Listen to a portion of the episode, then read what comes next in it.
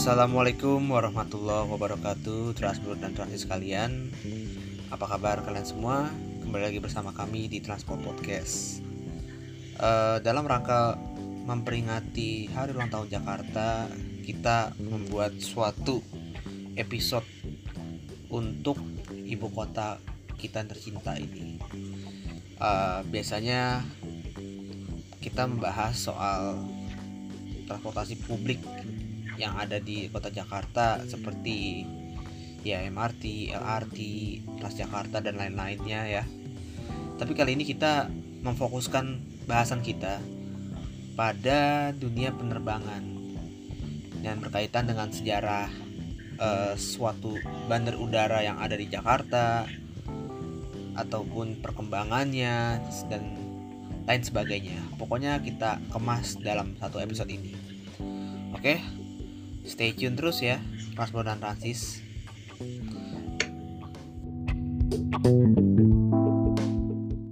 Oke, ini Transport dan Transis. Kita bahas soal dunia penerbangan. Kita mulai dari Raffi dulu kali ini yang bertanya. Monggo, Vi.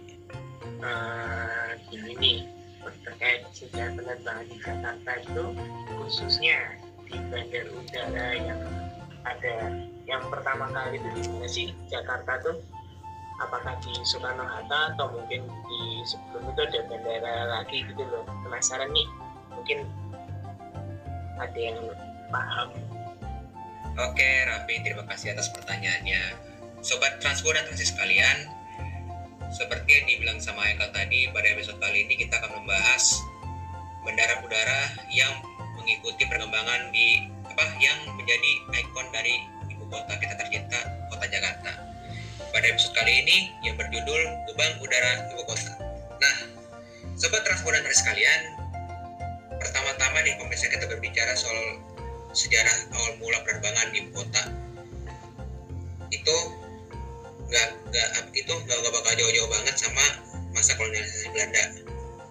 Oke, pertama nih kita buka sejarah penerbangan bermula di Halim Perdana Kusuma. Halim dulu ya? Iya, Halim Perdana Kusuma dulu.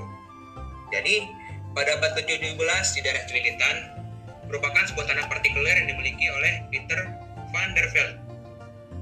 Tanah tersebut dinamakan Tanjung Oost Tanjung Kemudian, Timur. Iya, Tan Tanjung Oost namanya. Pada tahun 1924, sebagian tanah tersebut dijadikan lapangan terbang pertama di kota Batavia yang disebut, yang disebut Vliegveld Cililitan atau lapangan terbang Cililitan. Oke. Okay. Nah, pada tahun yang sama juga, maskapai KLM itu dari Belanda sana membuka penerbangan internasional pertama mereka dari Belanda menuju Hindia Belanda atau disebut Batavia. Nah, penerbangan pertama ini dialami oleh pesawat Fokker 7 yang memerlukan waktu cukup lama di perjalanan karena mereka tuh masih singgah-singgah dulu untuk isi bahan bakar dan istirahat. Hmm, oke, okay. Okay. Nah, jadi tuh penerbangan di masa di masa tersebut tuh bisa dibilang eh, sangat melelahkan gitu karena lo penerbangan dari Belanda ke Jakarta dari Belanda ke India Belanda aja itu mesti melakukan hampir lebih dari 10 kali stop gitu istilahnya karena apa ya eh, bahan bakarnya juga masih apa ya masih kecil ya tangki. Ya pertama pertama pesawat yang digunakan tuh masih kecil. Kalau misalnya transportan kalian mau nge-search tuh pesawat apa sih digunain sama KLM waktu penerbangan pertama ke Batavia cari aja namanya Fokker 7 Fokker nah 7 nanti nah Fokker 7 itu adalah pesawat 3 3 3 engine ya. Jadi Tiga satu mesin. mesinnya jadi dua mesin di, di, di kiri dan kanan sayap satu mesinnya lagi tuh pasti depan kokpit. Hmm, nah terus nih makin lama makin berkembang akhirnya pemerintah Belanda memerlukan bandara yang lebih besar lagi untuk menunjang penerbangan internasional mereka. Dan akhirnya dibuatlah namanya Bandara Kemayoran sebagai bandara internasional pertama di Indonesia yang saat itu India Belanda.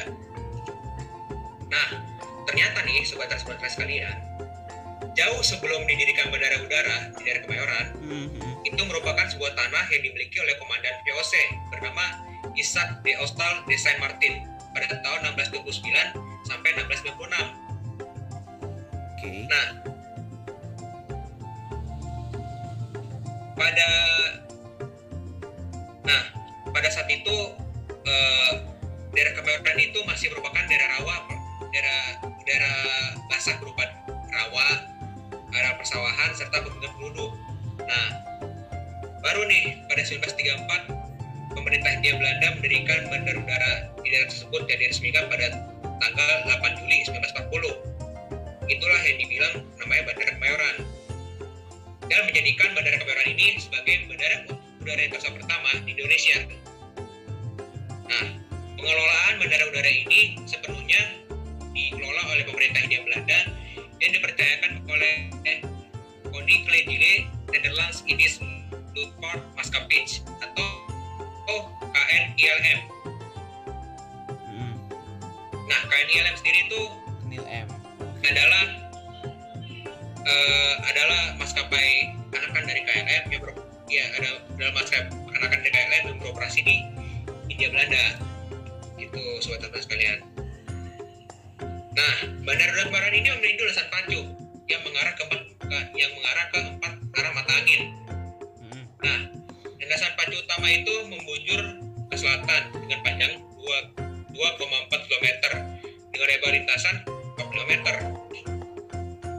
Nah, landasan pacu ini memungkinkan bagi pesawat-pesawat berukuran besar untuk tinggal landas dan mendarat di landasan ini. Ya, pada masa saat tersebut tuh sobat sekalian apa sobat transburan sekalian transburan transis sekalian tuh pada masa tersebut tuh pesawat terbesar itu adalah B377 Stratocruiser sama Lockheed Super Constellation. Nanti sobat transbulan apa sobat transbulan trans eh, cari dari internet tuh.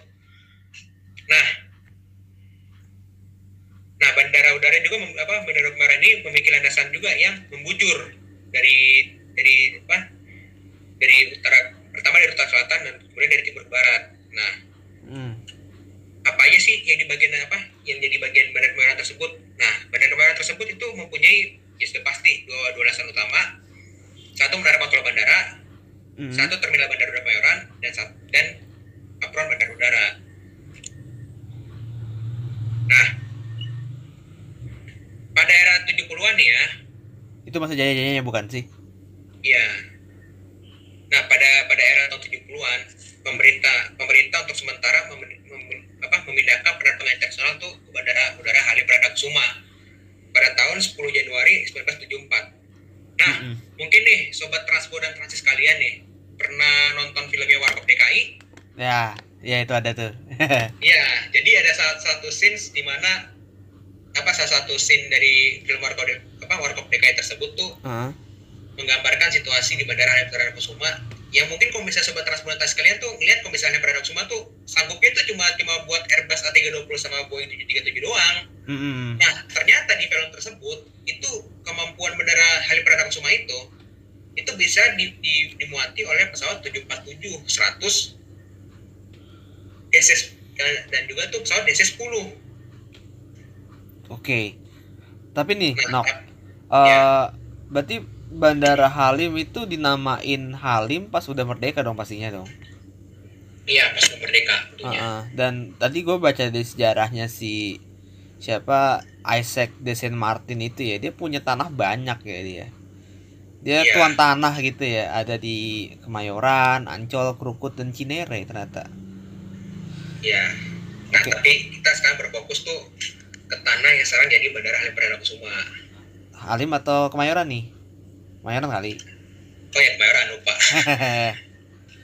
nah, Oke. gimana gini? Abis abis itu tahun berapa sih pindah ke Soekarno Hatta tuh? Nah, ini belum selesai nih penjelasannya nih. Jadi Oh, oke. pada pada era 70-an tersebut tuh Soekarno Hatta, eh, ah, Soekarno Hatta, Kemayoran sama Halim Perdana Kusuma tuh membagi traffic mereka gitu. Karena apa? Sobat Transbulan sekalian tuh ternyata kedua bandara ini tuh di ternyata kedua bandara itu selain berfungsi sebagai bandara komersil melayani penumpang, ternyata tuh mereka juga melayani apa? Jadi airbase juga gitu, jadi markas kadron. Hmm, betul. di Halim Perdana Kusuma sendiri pada saat itu tuh dioperasi mengoperasikan skadron 201 pembom. Nah, mungkin apa yang dibahas kan skadron, skadron 201 sendiri kan sudah berpindah sekarang ke Lanut Rusmin Nurjadin kalau misalnya kalau misalnya gue salah ngucapin ya tapi tepatnya di bandara di Pekanbaru pangkalannya. Nah jadi itu dulu udara satu kan berma- bermarkas di Halim Perdana Kusuma Hmm. sedangkan di Kemayoran sendiri itu bermarkas skadron udara 11 jadi skadron udara 11 ini ya ke Bandara Sultan Hasanuddin tuh markasnya tuh di Kemayoran. Nah 11 ini bisa dibilang ada skadron udara yang tercanggih pada saat itu. Banyak ditemui pesawat jet. Yang pada saat itu tuh diisi oleh pesawat MiG terus ada di Halifax Empire dan kalau nggak salah sih TU-16 sama Ilusin 28 tuh seingat gue di situ juga sih Ilusin Ilusin 28 seingat gue ya buat bomber ya oke nah kita lanjut nih nah ini baru nih pemindahan operasional dari Kemayoran ke Soekarno Hatta Nah, ini. Ini seru nih kayak ini. nah ini Tahun berapa? Tahun berapa? Jadi, jadi, ntar dulu. Di pertengahan tahun 70-an, Kemayoran itu dianggap terlalu dekat sama basis militer Indonesia, yaitu Bandara Halim. Halim Perdana Kusuma. Dan ya, yang di mana tuh trafficnya Kemayoran itu udah full sama penerbangan-penerbangan internasional dan penerbangan-penerbangan domestik tentunya. Mm-mm. Yang di mana, yang di mana tuh kan penerbangan sipil tuh apa ya, secara secara teori itu kan gak boleh berdekatan dia sama sama penerbangan apa penerbangan militer gitu Betul, betul, sedangkan tuh sedangkan tuh lalu lintas udara sipil pun itu aduh udah udah udah apa udah udah rame banget gitu di Kemayoran dan mengancam lalu lintas internasional gitu Dan juga lebih ke tengah Nah. kota nggak sih? Bener nggak sih?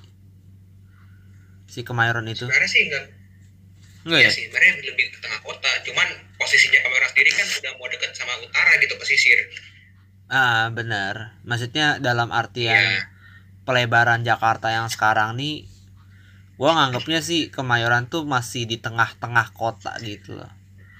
Karena iya di tengah kota benar karena gini kan eh gue pernah baca sejarah juga ya bahwa Kemayoran itu dibangun itu supaya dekat dengan istana. Istananya ya orang itu ya Hindia Belanda ya. Iya. Gitu. Ya itu yang yang ada di Weltevreden gitu. Nah karena kan jaraknya lumayan dekat ya. Ibarat kan kalau kereta api aja tuh bisa gitu bangun stasiun deket dengan pusat kota. Nah saat itu ya pendapat gua ya memang iya. memilih bandara dekat pusat kota tuh adalah suatu yang mungkin diharuskan kali kita nggak tahu ya. Itu opini gua gitu. Nah terus juga kan- apa nih? Apa tadi kan lu kan bilang memilih bandara di pusat kota itu iya pada zaman dahulu itu apa pada zaman dahulu itu itu adalah keharusan gitu karena biar dekat gitu sama pusat pemerintahan satunya gitu kan. Iya. Nah cuman kalau misalnya kalau misalnya di masa sekarang itu memilih bandara di pusat kota itu adalah hal yang riskan. Benar benar. Benar. Kita ambil contoh aja kolonia. Kolonia itu kan pas banget di, di pusat kota Medan. Sedangkan Mm. zaman dulu kan penduduk apa eh, rumah-rumah penduduk sekitar bandara kan belum ada tuh. Mm-mm. jadi bikin bandara tuh ya mana-mana aja. Cuman kalau misalnya kalau misalnya apa daerah penduduk tidak rame kalau misalnya kecelakaan gimana? Ambil contoh waktu Mandala gagal terbang. Itu kan pas itu kan parah banget kecelakaannya tuh. Sampai sampai orang yang tinggal dekat bandara jadi jadi korban gitu. Benar. Itu balik lagi lah ke Cengkareng. Nah oke ya. Kita balik ke Cengkareng. nah atas pertimbangan hal tersebut karena traffic kemarin udah full Mm-mm. apa sudah sudah semakin bertumbuh Mm-mm. dan butuh ruang udara yang luas dan nggak boleh berdekatan dengan dengan bandara Halim Perdana apa Halim Perdana Kusuma sebagai militer militer iya akhirnya pemerintah pun memiliki rencana untuk memindahkan operasional bandara Kemayoran tuh ke bandara yang baru jadi mereka tuh bikin bandara baru lagi Mm-mm. nah dengan bantuan US USAID dipilihlah Cengkareng sebagai lokasi bandara udara yang baru oke Nah, bandara Kemayoran yang, yang ditunjukkan untuk penerbangan domestik dianggap terlalu dekat ke basis militer, yaitu ada pada Kusuma pada tahun 1928 sampai 7- 74. Mm-mm. Nah, dengan begitu ya itu jadi pertimbangan pemerintah apa pertimbangannya pemerintah saat itu dong untuk memindahkan ke Cengkareng. Mm-mm. Yang istilahnya masih kosong lah ya tanahnya juga Iya. masih sepi gitu karena Nah, waktu itu eh setahu gua urban sprawlnya udah mulai ke timur gitu loh betul betul Benar. terus terus terus Nah, jadi itu Cengkareng itu ternyata ternyata tuh apa calon bandara baru ini tuh pada masa pada saat itu tuh banyak banget itunya eh, kandidatnya gitu. Kita sebut lagi ya. Calon bandara baru tuh potensinya itu ada di daerah, di daerah Malaka, terus di daerah Babakan, Tangerang Selatan, Mm-mm. eh di daerah Babakan, Tangerang Selatan dan Tangerang Utara. Dan akhirnya yang menang Tangerang Utara gitu Cengkareng kan. oke ada Iya. juga di Jonggol nggak sih setahu gue pernah ada rencana dulu tuh ya di Jonggol Iya. juga ada di Jonggol. Cuman tuh Jonggol itu udah apa sekalipun dia pinggiran Jakarta, Ah. kemudian ke bawah dia. nah kalau Tangerang Selatan di mana nih Eh, apakah Pondok Cabe kah Nah, bisa jadi kali bisa jadi kali nah sebenarnya tuh Pondok Cabe itu sebenarnya tuh yang yang bisa kita lihat sekarang tuh Pondok Cabe itu sebenarnya dibangun tuh eh, demi menunjang Pertamina sebenarnya. ya karena itu yang punya tanah, tanah Pertamina Iya emang tanah Pertamina, bukan tanahnya bukan tanahnya nggak apa, bukan tanahnya Pura. pemerintah gitu ya. Heeh. Nah, tapi kan situ kan ya karena posisi tengah kota juga, jadi tuh bandara Pondok Cabe itu ya cuma jadi bengkel, terus jadi latihan ya video satunya. kalau di Curug Curug Budiarto itu dulu sempat ada rencana nggak ke situ apa Nah, ada sebenarnya sih untuk yang sebenarnya sih di, di informasi yang gue cari itu sempat jadi Hmm. kandidat itu Curug. Mm. Cuman sekarang itu sekarang Curug kan jadi bandara untuk pendidikan gitu punyanya STPI. Iya Eh, ST, STIP, apa STP lupa gue. STIP ya. STIP Ya, STP Curug. Mm.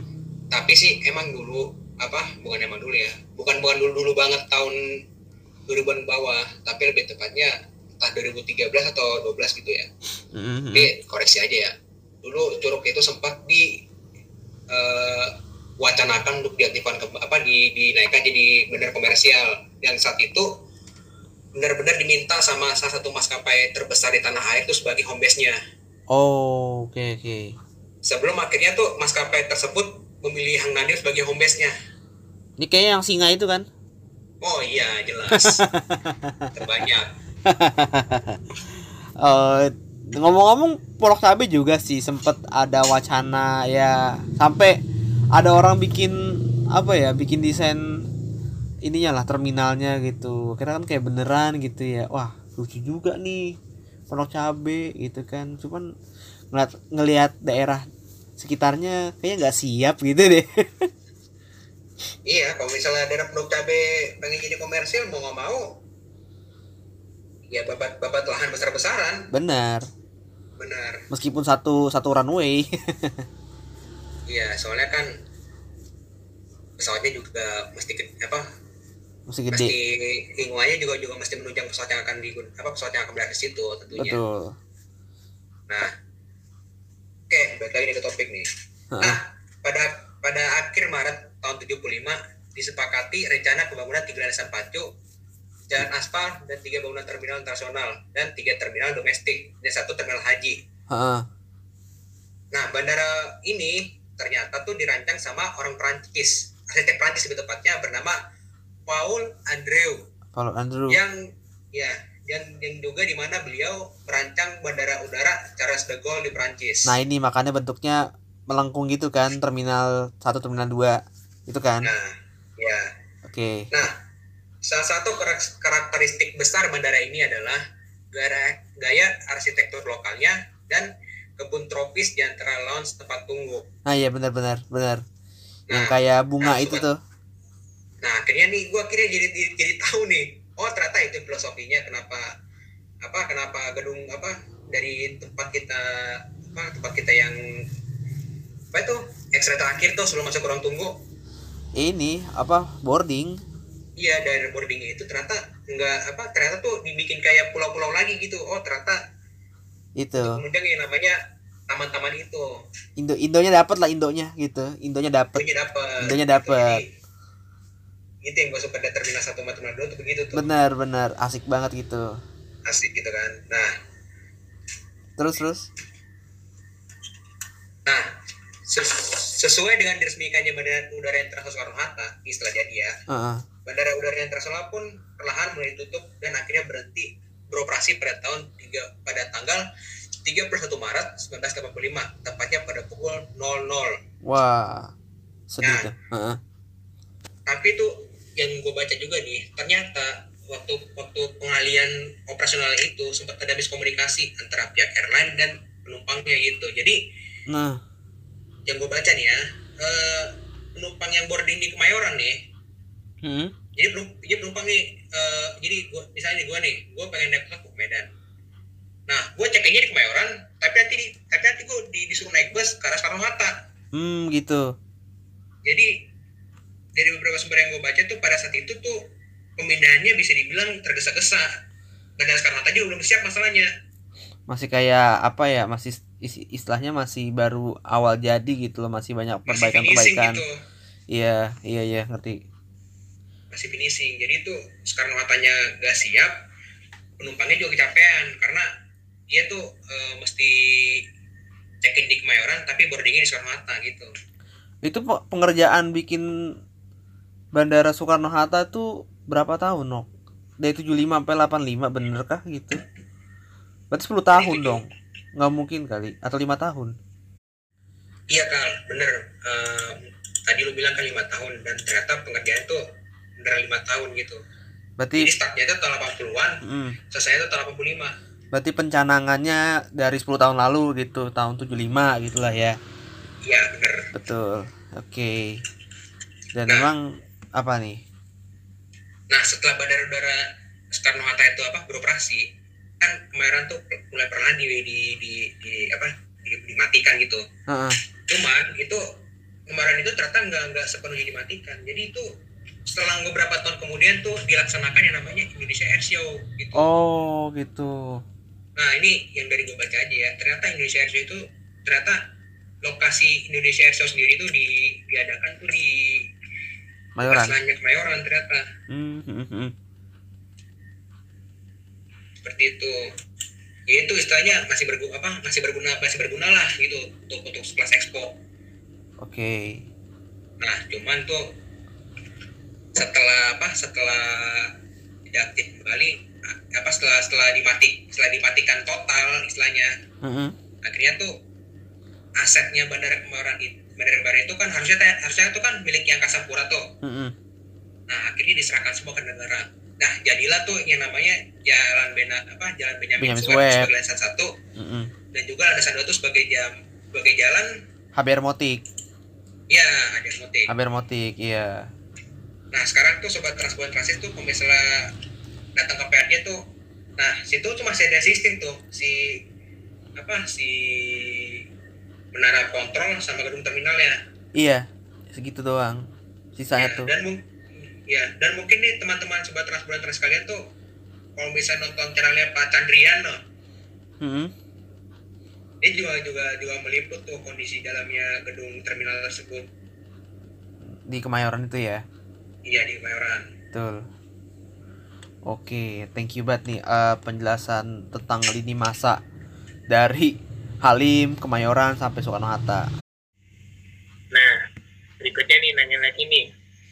Kalau di masa sekarang ini tuh yang ber- beroperasi kan ada Bandara Soekarno Hatta sama Halim Perdana Kusuma. Nah, menurut lu nih, Nok, gimana perkembangan dari kedua bandara tersebut? Oke, makasih Pi. Menurut gua untuk perkembangan dari bandara kedua bandara ini ya Soekarno Hatta dan Halim Perdana Kusuma tuh justru yang menurut gua secara visual ada perkembangan tuh di Soekarno Hatta sendiri. Hmm, hmm, hmm.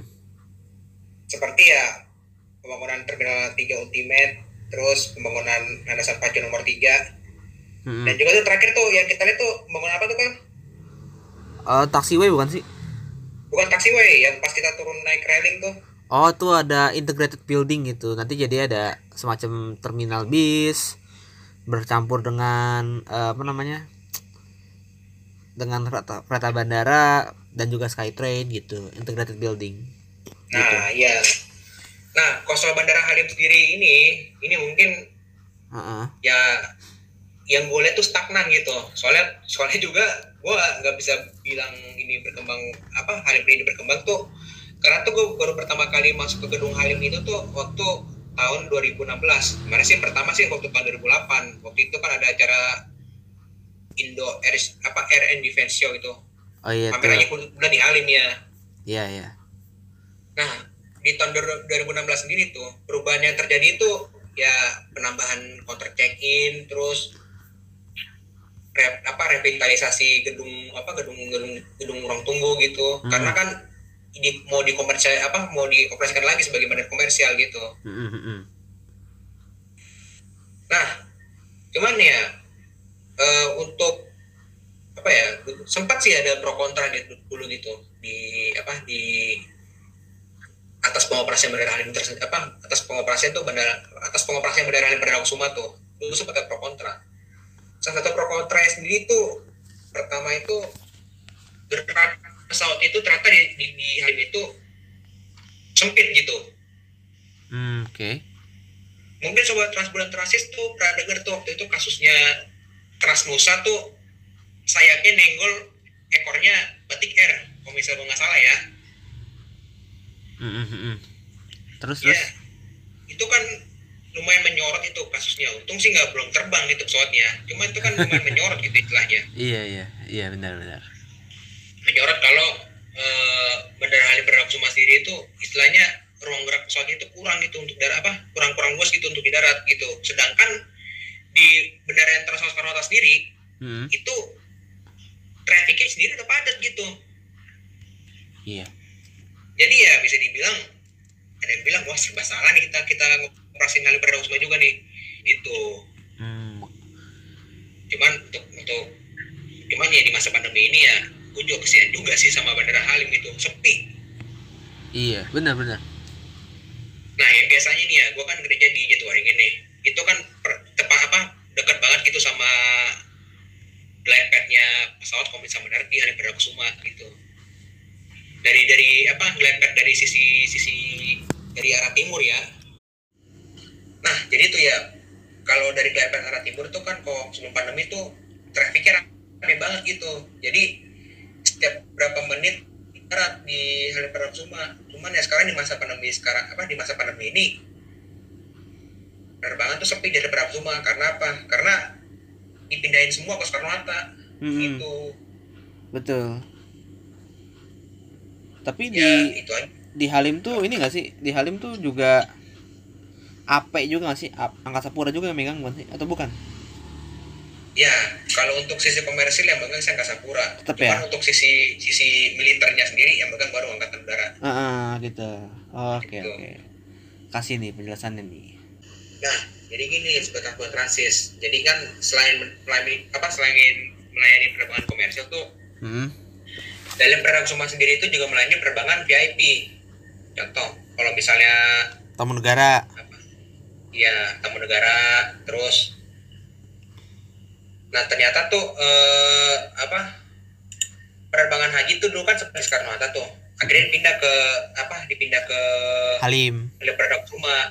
hmm. Nah, alasannya dikarenakan embarkasi haji Jakarta di Pondok Gede itu lebih dekat ke Soekarno, lebih dekat ke Halim Perdana Kusuma ternyata. Hmm, gitu iya iya benar Nah, tapi nih eh, penerbangan haji yang di Halim Perdana Kusuma sendiri itu ya bisa dibilang nggak bisa dilakukan sepenuhnya gitu. hmm. Kenapa? Karena yang pernah gue baca di salah satu majalah majalah ya, majalah Eh, angkasa tepatnya di maj- majalah angkasa. oh iya majalah angkasa sempat sempat apa sempat sempat punya sampai berapa edisi gitu. Nah di situ jelasin tuh kalau runway bandara apa bandara Halim Perdana Kusuma sendiri itu tidak sanggup untuk didarati pesawat sekelas triple seven. triple seven Dulu sih sempat bisa tuh apa jadi tuh paling mentok tuh 747 cuma triple seven tuh kalau bisa mendarat di situ tuh ya istilahnya apa ya gak, mis, gak, gak, gak bisa full full apa full full load gitu. Gak, gak bisa apa nggak bisa muatan penuh gitu istilahnya. Dia tuh masih muatan muatan parsial gitu. Hmm gitu gitu ya. Ada ada batasannya. Seperti itu. Eh, jadinya ya terbang dari Halim Perdana Kusuma sendiri itu untuk penerbangan haji nggak nggak nggak nggak full full capacity lah istilahnya gitulah Hmm, hmm, pesawatnya. hmm. Ngetik, ngetik gua. Oke, sobat transportasi sekalian. Jadi itu kan udah udah udah udah gue jelasin nih soal sejarah dan perkembangannya. Nah sekarang nih ya kita bakal ngulik tentang master planning bandara-bandara yang di Jakarta nih. Ya Bandara Soekarno Hatta dan Halim Perdana Kusuma tentunya kan. Hmm, hmm. Jadi nih Haikal nih silakan dijelasin yuk. Ya, gua mau mulai dari mana dulu ya? Dari Kemayoran dulu kali ya. Jangan cuma mungkin ya mungkin kalau misalnya lu mau jelasin Kemayoran sok atau bisa ya. Ya, gue pernah baca tuh nok eh, semacam apa ya? Entah jur- jurnal sih jurnal tentang rencana tata ruang wilayah di Kemayoran ya. Memang jadinya perubahan yang sangat drastis ya dari yang itu sebuah bandar udara jadi residensial. Dan ingat batu tahun tahun 90-an ya di- dicanangkan mau dibikin menara tertinggi di dunia saat itu. Kitanya emang kita lagi mau ini nih apa eh, ngalah-ngalahin si si Petronas gitu ya. Nah, namanya Menara Jakarta. Cuma sekarang Menara Jakarta tetap ada, cuman bukan tertinggi gitu. Malahan jadi kayak sebuah super blok. Dan memang eh di tahun itu ya, tahun di dekade itu kurang lebih tahun 90-an itu memang dibuatlah semacam apartemen segala macam sampai dua tahun 2000-an. Memang tanah itu jadi tanah milik negara, tanah milik seknek, tapi dikasih kayak ke swasta-swasta untuk membangun sebuah properti dan juga golf dan lain-lain gitu ya. Termasuk hutan kota itu punyanya si siapa namanya? Seknek juga. Nah, sekarang kan juga ada Wisma Atlet yang sekarang jadi RS Covid ya. Nah, itu juga punya negara gitu. Jadi lebih ke arah resi- residensial.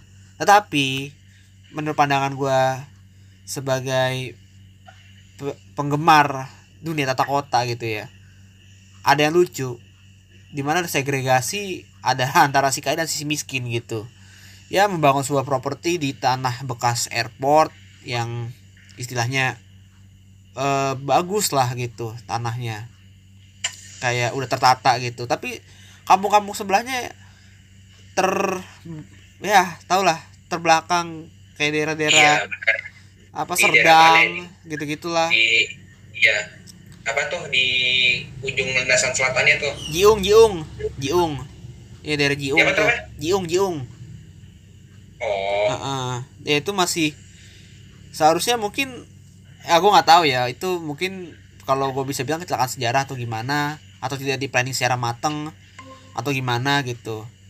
Cuman ya itu eh, terjadi segregasi akhirnya ya di sini bagus di sana kumuh gitu. Nah itu sih. Dan agak sedikit disayangkan bahwa di dekade itu di era itu tidak dipikirkan langsung bagaimana public transportnya. Bahkan sekarang aja baru mulai dirintis gitu loh yaitu LRT yang akan melewati Jalan Benyamin Sueb BRJ sampai ke arah eh, komplek Angkasa Pura Raja Wali gitu.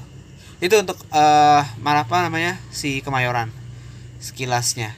Nah kalau Halim Halim nih sekilas di area dalamnya nggak ada apa-apa ya. Lebih nggak ada apa-apa. Tidak ada transportasi publik yang menyentuh secara langsung ke Bandara Halim.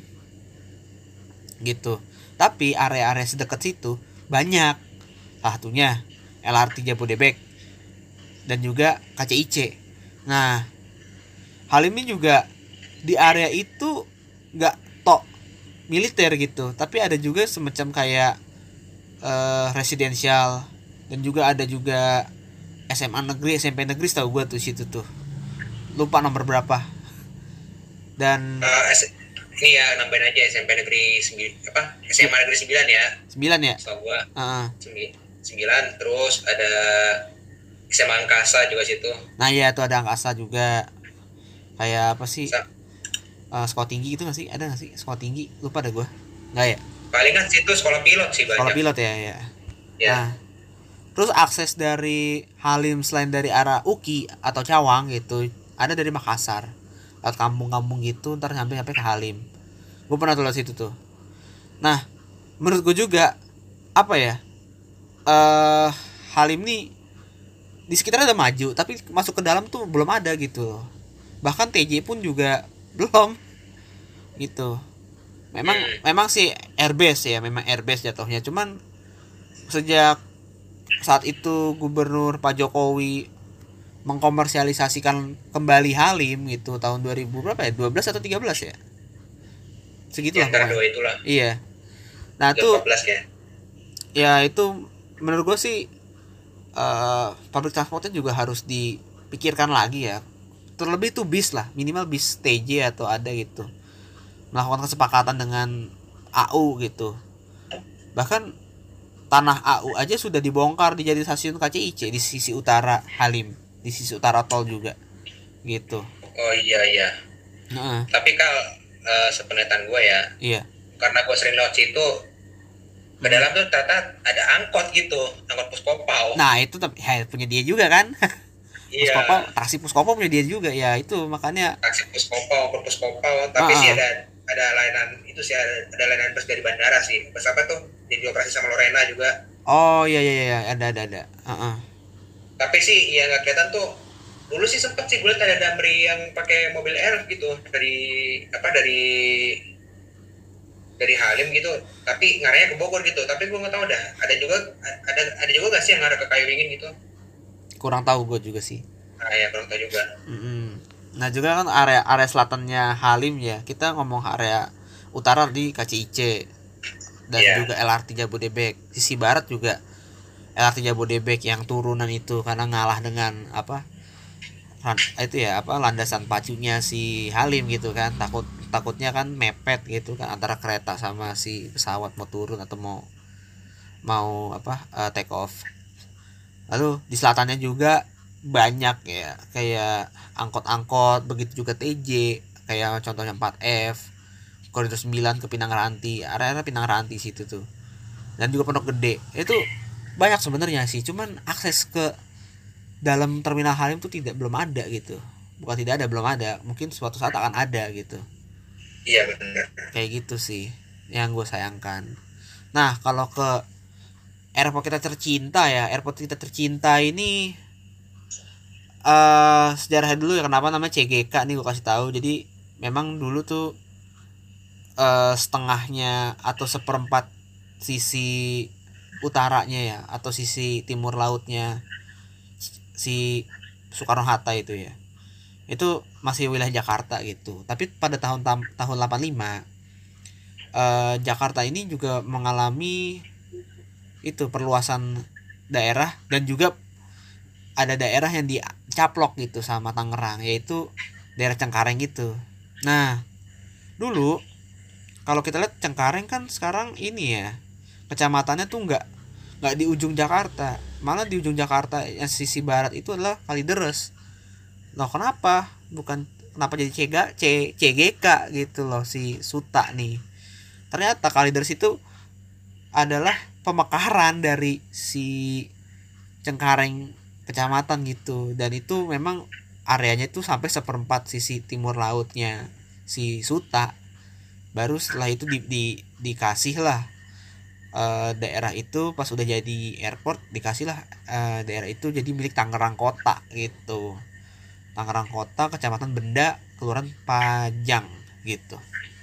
Nah pertanyaan gua kal nah kenapa kalau misalnya orang luar di luar di luar Jakarta nih Ah. bilangnya ah. Lo mau ke mana? Gua mau gua mau apa? Gua mau terbang ke Jakarta. Ya Nah, orang bilangnya orang mau bilangnya tuh terbang ke Jakarta tuh turun di bandara Halim apa turun di Soekarno Hatta gitu. Jadi orang-orang taunya oh Soekarno Hatta tuh di ya, apa di, di Jakarta gitu. Ah.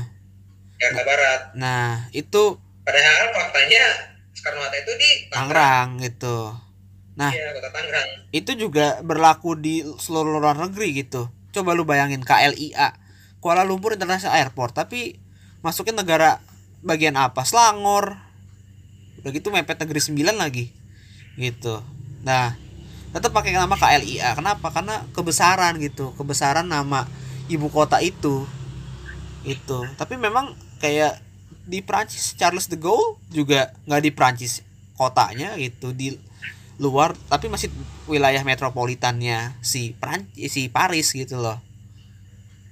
Nggak di Paris kota gitu. Ya sama juga kayak si siapa? Uh, KL KL itu wilayah metropolitannya adalah uh, Klang Valley yaitu Selangor Putrajaya dan juga Kuala Lumpur itu Klang Valley itu lembah Klang. Nah. Di Suwarna Bumi juga nggak di Bangkok tok gitu. Memang eh tadi yang lu jelasin ya Nok ya. Memang airport itu sudah aman itu tidak di tengah kota gitu. Tapi pakai penamaannya penamaan kota atau ibu kota itu gitu. Kecuali kalau misalnya punya airport di sebuah kota yang pemerintahan saja tidak ada pusat ekonomi gitu. Bisa jadi. Gitu lalu eh kita sekarang bahas ke master plan-nya si CGK secara secara itu ya secara mendalam ya gitu. Ya memang CGK ini eh, banyak banget gitu loh rencananya. Dan sempat banyak simpang siur juga. Nah tadi yang lu jelas udah jelasin sekarang tuh udah ada Skytrain kereta bandara dan juga terminal 3 gitu. Dan sepengetahuan gua ya rencana-rencana tuh makin banyak lagi ya seperti kayak ada cargo center di sisi eh sisi apa ya sisi baratnya si Suta gitu. Di sisi baratnya Suta deket yang kilang-kilang minyak itu tuh. Oh iya ya. Mm-mm, di utaranya itu tuh maksudnya. Terus sekarang juga ada eh taxiway sisi mana namanya sisi timur ya sisi timur yang baru. Terus juga lagi bikin sebuah eh, interchange interchange untuk ini eh, apa? Perimeter perimeter gitu ya. Dan juga ada integrated building yaitu eh, sebuah apa ya semacam bangunan gitu bangunan semacam kayak ada mall segala macam tapi itu sebagai pusat pusat integrasi antara eh, kereta bandara Skytrain terus juga terminal bis terus juga apa namanya ke terminal satu bisa ke terminal 2 bisa ke kantornya si angkasa pura bisa gitu kecuali ke terminal 3 ya jauh gitu kalau saat ini kan pertanyaan, apa nih pertanyaan gua kal, ini Ah. kan tadi lo kan lu, lu ngejelasin soal apa? Soal integrated building kan, Heeh. yang isinya ada ada ada terminal bus, ada stasiun segala macam. Hmm. Nah, menurut lu nih kal, dan Hmm. juga nih menurut teman-teman di sini nih yang ada di saat ini ya, Heeh. mungkin nggak kalau tiba-tiba bis akap tuh terintegrasi sama bandara. Contoh kayak efisiensi jurusan Jogja Cilacap tuh masuk ke bandara YIA mungkin nggak? Ya lu berkaca dulu sama Kuala Namu. Kuala Namu mungkin nggak? Di kampung lu tuh. Nggak mungkin kan? Karena Iya, muter. Jatuhnya muter. Ya bisa jadi juga muter gitu. Ini tol Kok tol tol Kuala Japek kan di mana? kan emang apa ya menurut penglihatan gue itu kan Kuala itu dari jalan nasional aja sampai ke dalam aja itu jauh gitu Iya, Cuman nggak itu. tahu deh kalau misalnya Soekarno Hatta sendiri kan setahu gue sisi sisi tuh dekat dan pokoknya nembus ke Tangerang ya BSD bukan masih apa dari mana yang belakang itu Iya yang belakang. Kalau misalnya, kalau misalnya kita tahu kan Heeh. itu masuknya CGK kan udah dari dari tol apa? Tol Sediatmo iya. terus aja. Iya. Kalau sekarang udah nggak ada. Ada, ada si, belakangnya gitu. udah nggak ada udah nggak ada udah nggak ada. Udah nggak ada.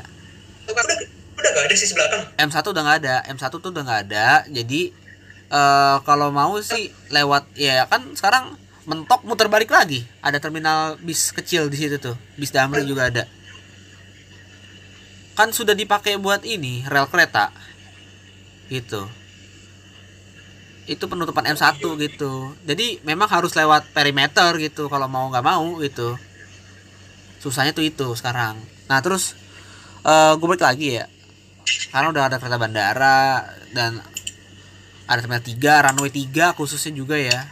Nah, tapi dari rencana zaman 2013-an ku- ke ke belakang ya itu mau bikin uh, di atasnya lagi ada terminal lagi gitu, semacam kayak island platform gitu ya. Terus ada runway-nya lagi.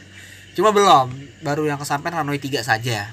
Dan baru-baru ini ada digembuskan lagi untuk uh, terminal 4 yang berada di area Golf Sawarna itu ini mau dipakai mau dipakai dan apa ya uh, nantinya juga kayak bis eh selain bis apa ya LRT MRT juga dicanangkan akan masuk ke Suta gitu.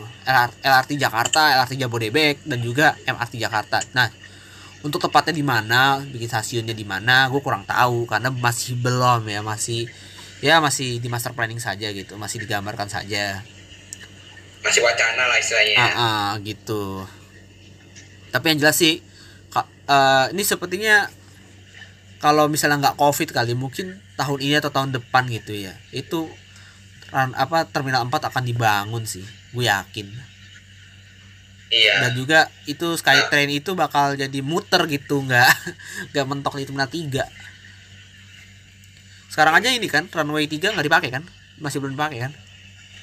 Nah, runway 3 sendiri itu karena lagi Covid jadi nggak dipakai dulu. Cuman waktu sebelum Covid itu kan istilahnya apa ya? Runway 3 itu sebagai sebagai runway backingan gitu istilahnya. Jadi kalau misalnya runway 2 lagi full trafficnya, kayak lu pindah ke runway 3 gitu istilahnya Oke. Okay. Cuman dari salah satu apa dari apa saudara gue yang kerja di Soekarno Hatta sendiri pernah hmm. cerita sama gue. Jadi bilang gini. Jadi sebenarnya sebenarnya itu runway 2 sama runway 1 itu pelapisannya itu belum sepenuhnya gitu. Hmm. hmm. Pelapisan landasan itu belum sepenuhnya. Nah, jadi runway 3 dibangun itu dengan kata lain itu kan runway yang, yang sudah pelapisan sepenuhnya gitu. Yeah. sudah nah, jadi mau penetapan aja benar tuh udah, udah oke okay gitu hmm. jadi itu runway tiga dibangun tuh buat ngebacking kalau misalnya salah satu runway itu benar jadi dibongkar gitu kita nggak tahu nih benar jadi apa enggak gitu misalnya runway satu dibongkar beroperasi dua sama tiga dua dibongkar berarti selama tiga gitu hmm, oke okay. ya, tapi kita nggak tahu sih jadi apa enggak nah karena ini covid juga sih masalahnya itu oke nih kang tadi kan udah nih ngebahas soal bis yang ternyata tuh nggak bisa masuk itu bisa kakap gitu contoh yang, yang kayak modelannya efisiensi rute Jogja Cilacap gitu. Ha-ha. Nah, kan, nah gimana kalau bisa soal kereta kan? Tiba-tiba ada wacana pengoperasian KAJJ dari bandara dari Soekarno Hatta, misalnya tujuannya mau ke Bandung gitu. Oh. Gimana tuh kan? Ya, kalau misalnya angkutan logistik bisa aja sih kayak logistik kayak waktu itu nabur balas gitu gitu ya bisa pernah pernah.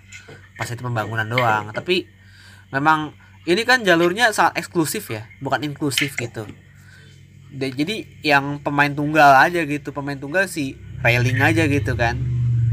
Dan itu cuman sampai Manggarai. Tapi kalau misalnya ada orang kereta nyasar dari Bogor mau ke Suta bisa aja dari Suta mau ke mana? Ke daerah timur gitu ya jadi negara dan terus saja gitu bisa juga gitu. Karena dia nggak usah perlu langsir perlu langsir sekali di duri aja.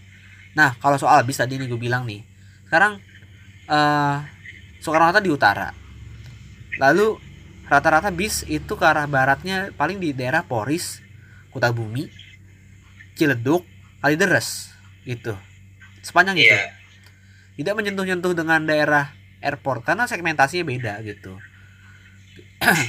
Jadi memang uh, sekarang ini kan kalau Sultan ini udah banyak gitu ya. Ada uh, Damri PPD yang udah main di bis airport Sinar Jaya Hiba gitu.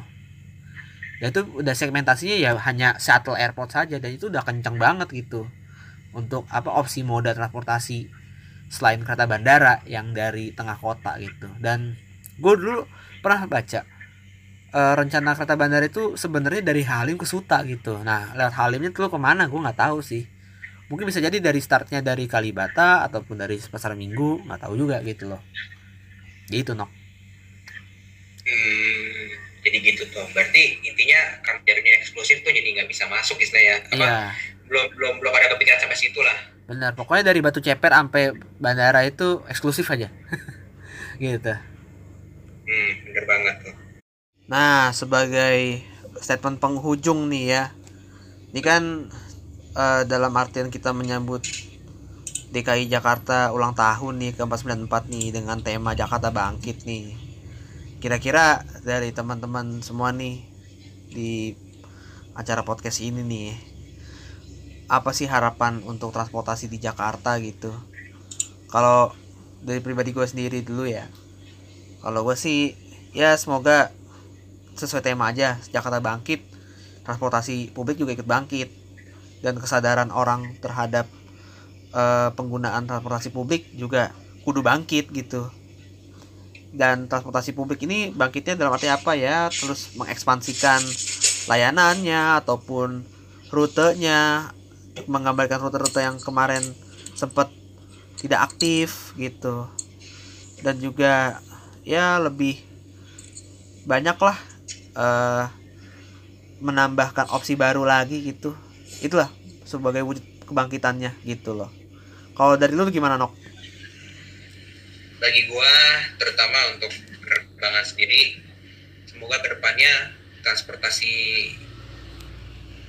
apa semoganya kota Jakarta itu tadi gue setuju sama lo tadi apa gue mau nambahin aja. Pertama itu ramah pengguna hmm. satunya ramah, ramah, ramah kepada pengguna terus bangkit ya juga dan juga semoga semakin menyentuh apa semoga semakin menyentuh daerah yang tidak apa yang istilahnya apa ya uh, itu tadi susah susah susah dilewati transportasi umum gitu semoga ada penambahan rute lagi istilahnya oke okay. gitu dari Azam dan juga nih. tambah lagi dari gua oh apa modern oh ya oke okay. Lanjut Zam. Oke dari gue ya.